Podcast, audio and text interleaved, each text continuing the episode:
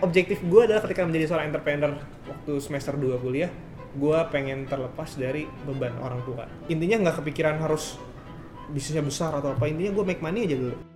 Akhirnya buka barber. Selamat datang di podcast dari The Slice of Life X, podcast yang berbicara tentang kemajuan hidup di bidang finansial, investasi bisnis, dan strategi kehidupan bersama host Anda, di Ferdinand.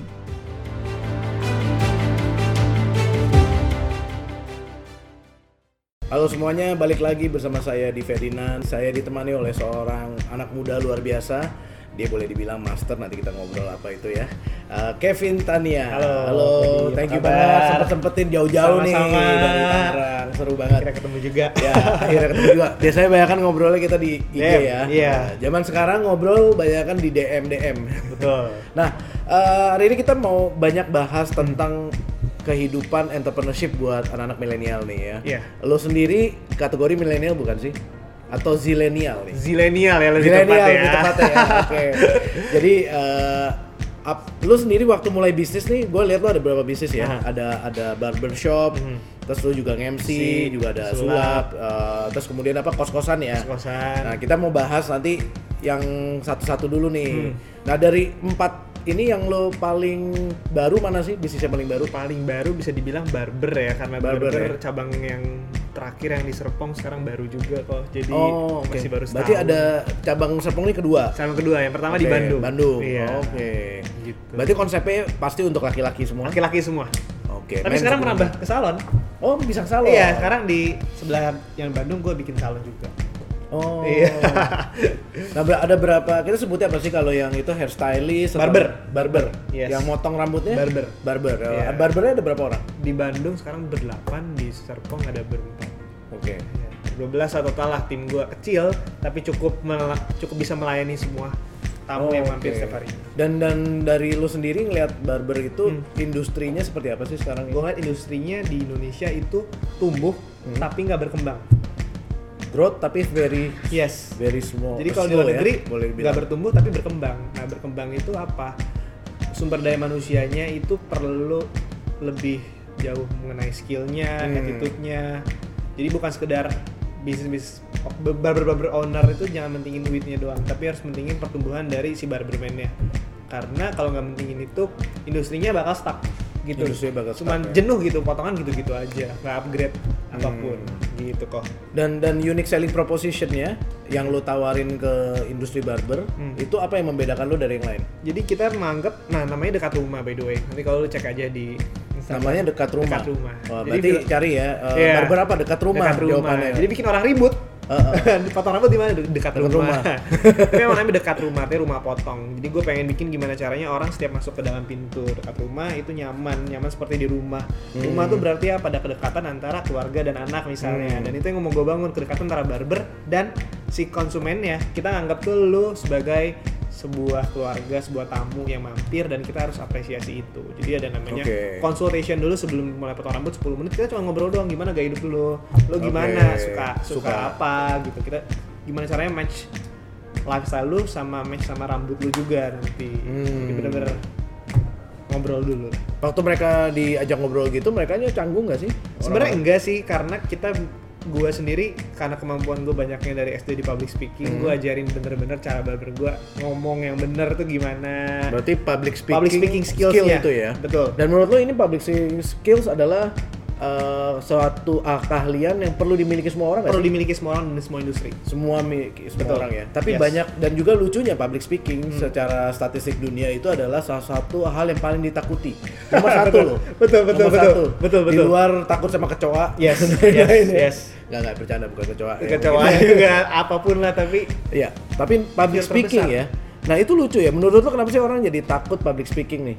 karena dia takut keluar dari zona nyaman dia karena gue percaya Hmm?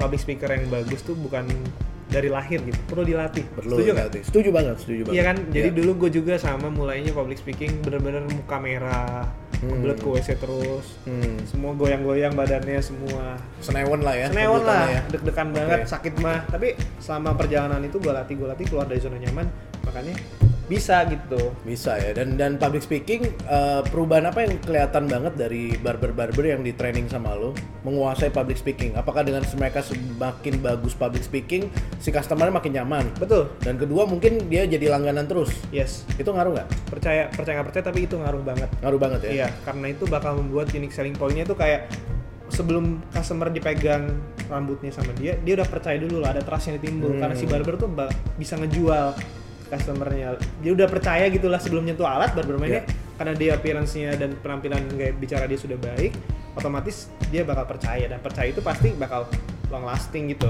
Pastinya ya. Iya. Nah, tapi sayangnya juga menurut gue kenapa kemampuan ini tidak dimasukin ke dalam kurikulum ya? Lu pernah belajar ini di sekolah nggak sih? Betul, gue pernah setiap gue keluar negeri kalau main liburan Hah? itu gue Hah? selalu nyempetin istilahnya short course lah sama barber-barber di luar negeri. Oke. Kayak Terakhir ke Singapura, kemana gue datengin barber-barber di sana, tukar pikiran dan eh, ya gue belajar supaya gue bisa menuangkan lagi ilmu kepada barber Indonesia karena barber Indonesia itu belum ada ya, kurikulumnya kalau di Oh, jadi sebenarnya barber sendiri tuh yang terjadi di lapangan sekarang itu cuman otodidak. bukannya memang mereka misalnya masuk ke satu brand gitu ya terus mereka dilatih sama master barber di situ Hmm.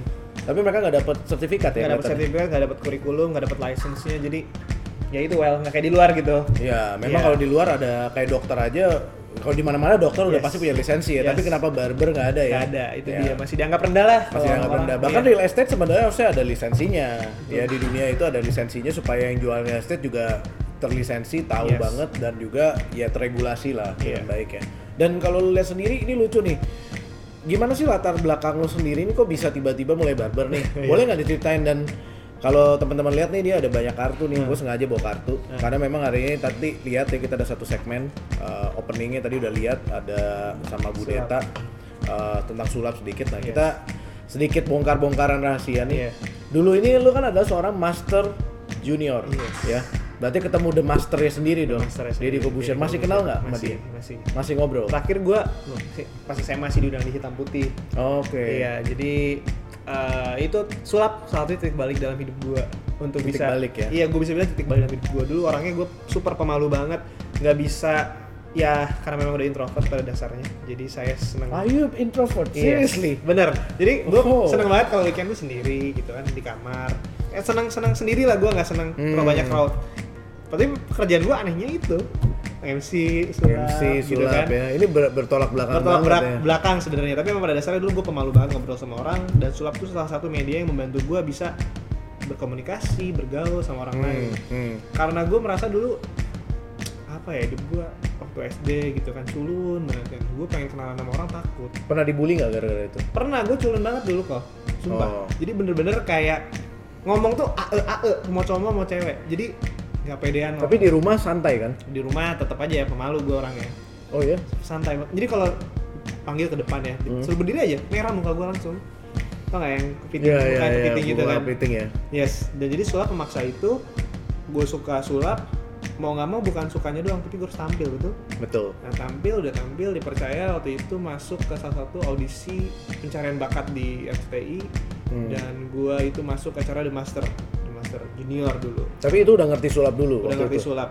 Oke. Di sana tapi belum tampil, belum pernah tuh nggak ada pengalaman kayak sekarang banyak vlog gitu kan. nge-vlog. Nggak Ya belum ada pernah. zaman itu ya. Jadi bener-bener langsung kayak studio setup yang televisi nasional, wah itu grogi banget. Jadi Hmm. dulu ngapalin public speaking itu bener-bener setiap kata yang dikeluarkan dilontarkan saya itu di script semua. Oke. Jadi saya harus ngapalin skripnya, body language-nya udah diatur semua, eye contact gini. Itu latihan tiap hari berapa Di lama gitu? karantina. waktu itu? Dulu gue sekolah 6 SD, Senin Selasa doang, Rabu sampai Minggu di Kebon Jeruk di sini. Oh di SCTI ya. SRI. Jadi Oke. bener-bener itu titik balik selama dua bulan gue dilatih di sana dua bulan tiga bulan kalau nggak salah untuk Berarti lo di mentor lah ya mentor boleh dibilang lah ya. di mentor, ya. di mentor sama eh, Romi Rafael, Deddy Corbusier semua Hmm. diajarin dan singkat cerita dari situ gua pede udah pede main sulap masuk SMA SM, SMA SMA baru MC Oh. teman-teman gua ngeliat wah si Kevin kok pede banget sekarang enak ngejak ngobrol enak Ya, ya. ini MC lah next stage-nya naik jadi MC terus banyak kenalan sama orang kuliah aktif SMA aktif jadi ketua osis di angkatan gue jadi ketua angkatan gue juga Hmm. dan gue lihat wah banyak temen tapi gue kayaknya merasa butuh bisnis Iya, Butuh Biar- bisnis ya. iya butuh bisnis karena gue sering interview orang pas jadi MC sering moderatorin acara kok orang-orang keren gue pengen juga buka bisnis Oke. akhirnya buka barber Barber ya. barber Tapi sebenarnya kan tadi lu sempat cerita behind the scenes sebenarnya itu bukan barber harusnya ya. Bukan, bukan. Kos-kosan ya. kos kosan jadi dulu kos kosan Nah, nah, ini lucu nih. Iya iya iya. Jadi pokoknya intinya objektif gue adalah ketika menjadi seorang entrepreneur waktu semester 2 kuliah, gue pengen terlepas dari beban orang tua. Jajan. Oh, itu tujuan utamanya. Iya. Tujuan utamanya. Semangatnya lu ya. yes. Intinya nggak kepikiran harus bisnisnya besar atau apa. Intinya gue make money aja dulu. Tapi lu nggak nggak merasa sayang gitu kan pasti ada orang bilang wah Kevin lu payah banget kan orang tua lu bisa bisa kasih lu segala Yes. fasilitas. Kenapa nggak lu pakai aja menikmati hidup gitu kan? Hmm. Kenapa pandangan lu begitu? Nggak mau gue. Gue nggak mau. Karena pada dasarnya itu duit orang tua gue pertama. Dan Betul. gue merasa orang tua gue sudah banyak berjasa dalam hidup dulu. Sulap gue kalau nggak ada bokap gue yang nganterin setiap uh, weekend ke Jakarta pulang pergi dari Oh, Bandung. lu di Bandung ya, tinggal Bandung ya. gue orang orang daerah ya, bukan orang Oke. kota banget. Jadi bokap gue dulu singkat cerita nganterin gue belajar sulap di Jakarta di Ben Hill dulu, ada studio sulap. Hmm. Dan masa gue udah kuliah udah dibayarin semua, gue harus minta lagi gitu kan. Pak, Dan gua minta kasihan uang. ya papi bolak-balik ya. kasihan, kasihan gue nggak mau ngandelin terlalu banyak lah dari kecil dari udah ngandelin banget. Boleh masa ngandelin lagi. Hmm. Intinya make money objektif gue pertamanya apapun gue garap dari MC dari kerja rodi lah gue semester 1 semester 2 karena gue kaget awalnya kok orang Jakarta tuh keren-keren semua kayak nih, Hmm. Masa sih? serius gue kan apalagi kampus gue prestisius lah ya Wis. kayak ya dilema lah gue kok orang-orang dari Bandung bukan orang Jakarta keren-keren Intinya- tapi bukannya Bandung malah tekstil sama garment yang menarik kan yes harusnya tapi gue melihat orang Jakarta behaviornya beda sama orang Bandung ya kan? Oh gitu ya. Iya ya semuanya lifestyle-nya beda lah. Intinya gue pengen gak mau ngebebanin hidup Orang gue tua, ke ya. orang tua gue. Jadi gue cari uang sendiri. kan? Lu- Lu berapa bersaudara? Dua, Dua ya. gue sama bersaudara. adik gue. Oh, cuma berdua aja ya. Betul. Padahal itu udah keluarga ideal boleh dibilang. ya, kalau Iya, iya. berdua ya. Cewek Iya. cowok sih? Cewek. Cewek. Cewek pas. Dan kak adik berarti. Adik. Ya, beda berapa tahun sama lu? Dua tahun doang. Dua tahun. Sekarang dia berarti kuliah dong Kuliah, hitungannya ya. kuliah. Hmm. Oke. Dan dia juga masuk ke sulap juga atau enggak? Enggak, dede gue dede gue cuman dulu bantu-bantu gue tapi nggak interest sama sulap. Tapi sama entrepreneurship sama Enggak juga. Enggak juga. Dede gue benar-benar rajin akademisi banget. ya. Akademisi Belajar banget. Mungkin jadi banget. profesional karir ya. Sejadi. Nothing wrong juga ya. Itu Iya, kan kita iya, butuh iya. juga orang-orang yang jago di karirnya ya. Betul. Hmm. Oke, kita ngobrol lagi nih. Tadi kan lu masuk punya kepercayaan diri gara-gara sulap. Betul. Ya kan? Dan akhirnya lu di karantina Betul. dua bulan. Hmm. Dan waktu di karantina itu pelajaran berharga yang lo ambil tentang kepercayaan diri kah atau tentang public speaking apa sih pelajaran apa yang lo kan hebat-hebat tuh ada Romi Rafael, Hmm. gue pernah kerja sama sama Romi Rafael Yes, juga betul. sama eh, Dedi gue cuman tahu doang. Apa sih pelajaran terpenting yang lo, lo dapetin di karantina? Lo masih kecil banget waktu Masih itu. kecil Umur banget. berapa? 12 tahun. 12 tahun. Iya, berarti setengah hidup gue. Ya udah udah lumayan lama kan. Udah lumayan lama ya. dan dari situ gue belajar nggak ogohan nggak apa ya nggak manja lah ya Yang manja ya. karena di sana full banget jadwalnya pagi sampai malam lagi pagi sampai malam syuting eh, buat iklan buat apa ya istilahnya nggak kayak sekarang YouTube dulu bener-bener TV kan semua nonton TV loh Hmm, tadi jadi kalau sekarang dia YouTube itu nggak segimana rumit aku dulu TV bener-bener semua dilihat semua orang Harus nonton perfect ya. TV ya, Oh, perfect Karena airtime-nya itu mahal. Betul, jadi gue belajar banget di sana caranya disiplin terhadap makan katanya kan kata bokap nyokap gue nggak boleh sampai sakit karena Hmm. jadwalnya padat. Terus belajar lagi disiplin tentang latihan yang sudah gue pelajari diulang-ulang terus itu bener-bener konsisten itu tiap hari sehari itu bisa tampil cuma 5 menit 10 menit di TV. Iya. Tapi itu latihannya bisa 100 kali, 200 kali. Pasti, pasti. Diulang-ulang, salah dikit ulang kata mentor, salah dikit ulang, salah Hmm. dikit ulang. Kan nggak boleh gagal karena itu on air bukan off air. Betul. Karena itu live ya, nggak Live. bisa dibetulin dan Live. itu kalau ada apa-apa fatal. live ya. betul dan gue harus bisa humble ke semua orang dulu nggak boleh lah istilahnya jual mahal sombong itu ketemu fans atau apa gue belajar ketemu siapa aja belajar dari kalangan segmen manapun gue bisa belajar ngobrol sama dia dari situ lu dari situ ngelu- keluar dari zona nyaman ya Hmm. ketemu orang yang belum pernah gue ketemu dengan rentan usia yang besar ada yang dari latar belakang berbeda-beda di sana gue keluar dari zona nyaman itu sih Wow. Seru banget ya. Itu- Yes. Itu menurut gue pentingnya di mentor ya. Yes. Apapun juga buat kehidupan. Nah, ini yang suka teman-teman bilang, kalau menurut lo waktu itu mentorship seperti itu, kalau dibuka kelasnya harusnya bayarnya berapa sih? Mahal gak sih bakal begitu? Karena kan ngubah banget hidup lo ya. jujur mahal ya jujur mahal sama istilahnya sekarang kayak ya lu tau kan mastermind mastermind gitu kan mahal Ya, biasanya kan mahal. kalau di luar di mana justru hal-hal gitu yang bakal nge-push lu Jadi yang lebih Lebih baik, lagi baik, ya. Jadi iya. yang lo nggak pernah Betul. discover jadi lo temuin ya. betul dan kadang-kadang ya hal-hal kegiatan kayak gitu yang bisa nge-push lu dan kalau gua disuruh ada kayak gitu lagi mahal sih harusnya ya kalau dia harus mahal ya iya karena lu merasa hidup lu aja berubah banget ya Berubah Gitu ya. banget, Dan- titik dan balik. bisa jadi sekarang true dan itu investasinya eh, anggapan sampai sekarang pun punya impact ya iya lifetime value lah pokoknya Padahal sekolah, se- waktu lu di sekolah belajar akademis itu Nggak banyak bisa yang nggak apa-apa. pakai kan? banyak yang nggak pakai Banyak yang nggak pakai kan? gue sih tetap pemalu dan semuanya ya itu merubah hidup gue Ya. Hmm. Kalau menurut lu pelajaran kepercayaan diri, public speaking itu perlu ada nggak di ekstrakurikuler? harus harus Iya. Harus ada ya. Harus. Nah, mungkin Pak Dardim Nah. bisa bisa share Betul. juga itu menurut gue itu jauh lebih penting daripada cuma belajar Hafalan. hafalan. Ya. right Mengubah persepsi, membangun kepercayaan Right. diri ya. Right. Oke. Kalau lu merasa berapa pentingnya sih percaya diri ba- jadi modal untuk lo maju membangun sesuatu yang lo pengen gitu membangun cita-cita lo dan mimpi lo berapa pentingnya tuh menurut gue hampir setengahnya ya karena itu balik lagi ke alam bawah sadar lu, lu berpikir belief lu, lu bisa atau enggak, mampu atau Hmm. enggak. Jadi kepercayaan diri itu sesuatu hal yang harus dimiliki oleh semua orang untuk bekerja dalam apapun bidang apapun itu penting banget. Jadi menurut gue nih yang banyak nonton biasanya gue sekarang di kampus sering share hampir workshop tentang biasanya public speaking oke karena mereka gue lihat banyak punya talent banyak punya skill yang bagus tapi mereka nggak punya confidence Nggak, percaya ya, dirinya betul. untuk berbicara dan kepada diri mereka sendiri Hmm. nah itu yang masih menurut gue jarang dimiliki orang-orang padahal kalau orang lain lihat potensi dalam diri dia tuh gede banget Hmm. nah jadi buat yang nonton yang masih belum percaya diri banyak banget source-nya banyak banget apa namanya sumbernya untuk lu bisa belajar betul betul kelas online YouTube apapun lah ya kan ya gitu sih menurut gue penting banget krusial dan makanya di sini di LifeX Academy Yes. misi gua adalah mengajak teman-teman yang memang punya cerita menarik Hmm. dari yang tadinya nggak bisa jadi bisa Yes. karena banyak hal yang kita di dunia ini perlu terinspirasi ya Betul. karena nggak gampang Betul. hidup di dunia ini perlu banyak tantangan dan Betul. mungkin informasinya nggak nyampe ke kita Betul. dan nggak punya kesempatan yang sama atau Yes. ekonominya juga beda Iya.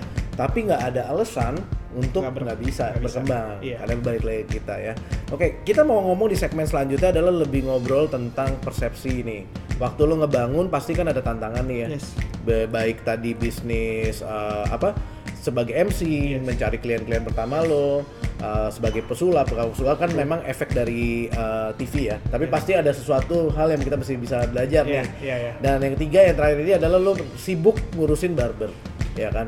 Misalnya lo disuruh manggung lagi di TV mau nggak gitu? jujur mau Mau. iya karena gue pengen bikin kontennya nggak konten alay lebih edukatif mungkin ya lebih Edukatif ya. ya berkelas lah maksud gue biar orang Indonesia juga maju gitu kan nggak Hmm. cuma dapet di kalau manggung tuh kalau manggung on air di TV tuh gue seneng banget karena impactnya gede banget Ya. kalau YouTube kan niche banget orang-orang yang punya itu tapi kalau TV bikin konten yang bagus itu menurut gue gue pengen Ya, mudah-mudahan ada produser TV yang yang Iya. Boleh. nungguin dan mungkin nyari-nyari kemana sih si Kevin yang Wah. dulu ya. Wah, ini dia Boleh ada ya. di sini nih, ada di Live X Iya, Academy iya, nih. iya. Siapa tahu bisa penasaran. Oke, teman-teman kita eh, undur diri dulu untuk episode kali ini. Iya. Kita akan masuk ke episode berikutnya. Ikuti terus episode dari The Slash of Life X dengan follow sosial media kami di Instagram dan YouTube Life X Academy. Dan juga dapatkan konten-konten eksklusif tentang dunia keuangan di www.lifexacademy.com. Life X Academy, multiplying your life meaning.